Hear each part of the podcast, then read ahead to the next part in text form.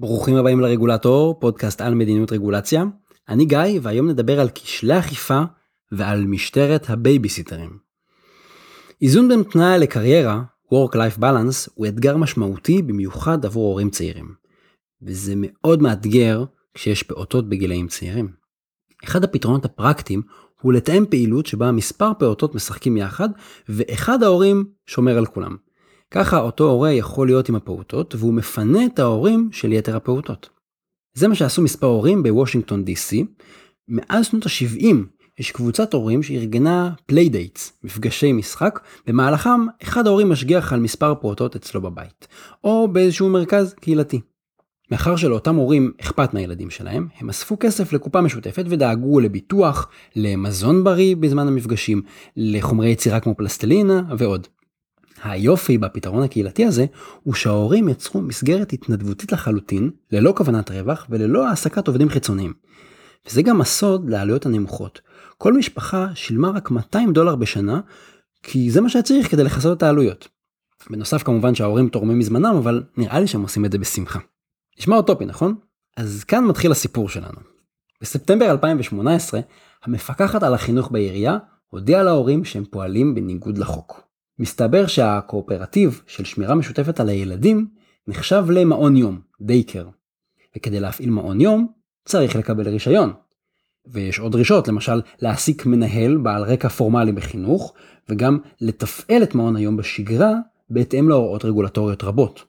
עכשיו אתם בטח תוהים, האם כל מי ששומר על ילד חייב להקים עסק ולקבל רישיון? האם הורים צריכים רישיון כדי לשמור על הילד של עצמם? האם האמריקאים השתגעו? אז לא בדיוק.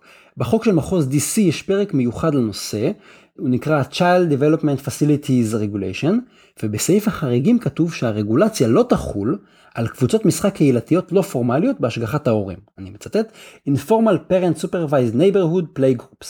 לכאורה זה בדיוק המקרה שלנו, נכון? זה קהילתי, זה קטן, זה לא פורמלי, ההורים משגיחים. אבל המפקחת על החינוך חושבת שהפעילות הקהילתית הזאת דווקא מאוד פורמלית ומאוד מאורגנת. והנימוקים שלהם כאלה, יש להם אתר אינטרנט, יש להם לוח זמנים מראש לשעות המפגשים, ומאחר שההורים קבעו לעצמם כללי התנהגות, אולי נקרא לזה רגולציה עצמית, זה הופך את המסגרת לפורמלית. המפקחת מאוד התמקדה בכללי התנהגות של ההורים. למה היא התכוונה? למשל ההורים סיכמו ביניהם שההורה שמשגיח על 3, 4, 5 פעוטות חייב להיות עם הילדים, הוא לא יכול ללכת לחדר אחר, וגם אסור שדעתו תהיה מוסחת. אז הם לא מתעסקים בטלפון בזמן שהם משגיחים על הילדים. זה גם חשוב בטיחותית וגם נראה לי מקסים. וכמובן כל הורה מוסר פרטי, חייב למסור פרטי קשר לחירום כדי שיוכל להקפיץ אותו, יוכלו להקפיץ אותו אם קרה משהו לילד. וזה, לדעת המפקחת, הופך את המסגרת הזאת לפורמלית ומאורגנת. בעצם, המפקחת על החינוך אומרת לילדים, אנחנו נותנים פטור למסגרות לא מאורגנות, אבל אתם מאורגנים מדי. ובגלל שאתם מאורגנים מדי, אתם חייבים ברישיון. וזה מעלה שתי שאלות שכל אחד מאיתנו, רגולטור, הורה, אפילו פעוט שרוצה לשחק בפלסלינה, כל אחד מאיתנו צריך לשאול. אחת, מה הבעיה? למה צריך להכיל רגולציה במקרה הזה? שתיים, מה היו ההשפעות של הרגולציה? מה יקרה אם נכיל את הרגולציה ונדרוש רישיון ואת יתר החובות שהמפקחת רוצה להטיל עליהם? לדעתי התשובה היא די פשוטה. הבעיה פה היא שאין בעיה.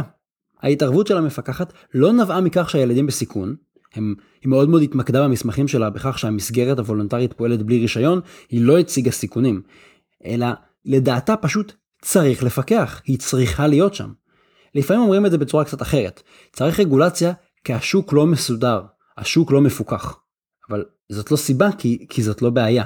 חוסר רגולציה הוא לא סיבה לרגולציה, כמו שחוסר בשולחן הוא לא סיבה לקנות שולחן, אני קונה שולחן כי אני צריך שולחן, לא כי אין לי שולחן. וכאן אני עובר לשאלה השנייה, שאלת ההשפעות. מה היו התוצאות של מדיניות כזאת? ההחלטה של המפקחת, אם תחשבו על זה, בעצם מענישה את ההורים שדואגים למסגרת יותר מסודרת עבור הפעוטות שלהם. כי אם יש הורה שלא יצר מסגרת מאורגנת, הוא יהיה פטור מכל רגולציה. והורה שדאג לכללי התנהגות להשגחה על הילדים חייב ברישיון. תחשבו על זה רגע, אם יש הורה שאומר, אין בעיה, קח את הילד שלי, אל תשגיח עליו, תשחק בטלפון, אם יקרה לו משהו אתה לא תראה את זה בכלל, הורה כזה לא צריך רישיון, הכל בסדר. הורה שאומר, אם אתה שומר על הילד שאתה איתו, העיניים שלך עליו, הופה אתה כבר צריך רישיון, פה צריך את המדינה. זה מין הפוך על הפוך כזה. זה מקרה קלאסי של התעסקות בטפל ולא בעיקר. בעצם היא מתעסקת בהורים הטובים, במקרים הבטוחים. ובדרך כלל, ונראה לי כמו במקרה הזה, זה קורה כי זה יותר קל לגורמי הפיקוח והאכיפה. דמיינו שיש איזה קבוצת הורים שלא מסתדרת, אין להם אתר אינטרנט, הם מאלתרים הכל, זורקים את הילדים בחצר, המפקחת לא יודעת עליהם. קל לה ללכת הטובים, כי פשוט קל למצוא אותם. ומה התוצאה האבסורדית? מצד אחד מדיניות כזאת לא מתמקדת בהורים שבאמת לא מטפלים כראוי בפעוטות שלהם, ומצד שני דוחפים את ההורים המסודרים להוריד את הסטנדרטים, ולנהל את המפגשים האלה בצורה פחות בטוחה. למשל, אולי קבוצת ההורים, כדי שהמסגרת תחשב פחות מאורגנת ופחות פורמלית, אולי קבוצת ההורים לא צריכה לדרוש שכל הורה ימסור פריטי קשר למקרה חירום, שלא יוכלו להשיג, מקסימום ילד יבלע משהו, לא נוכל להתקשר להורים שלו, אבל התחמקנו מרישיון.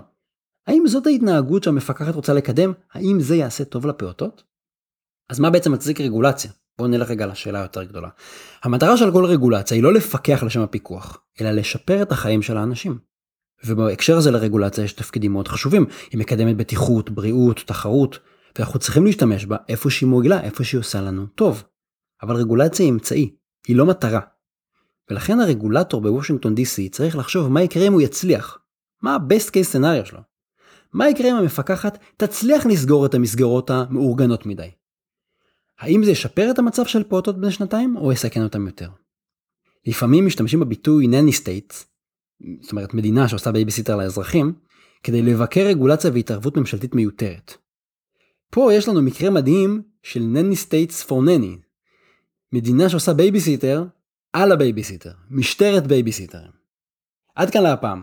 אתם מוזמנים לשלוח אליי שאלות למסנג'ר של עמוד הפייסבוק, אני אשתדל לענות עליהן. תודה שהאזנתם לעוד פרק של הרגולטור.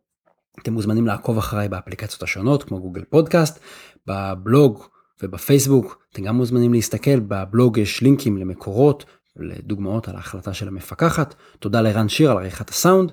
התכנים משקפים את דעותיי בלבד.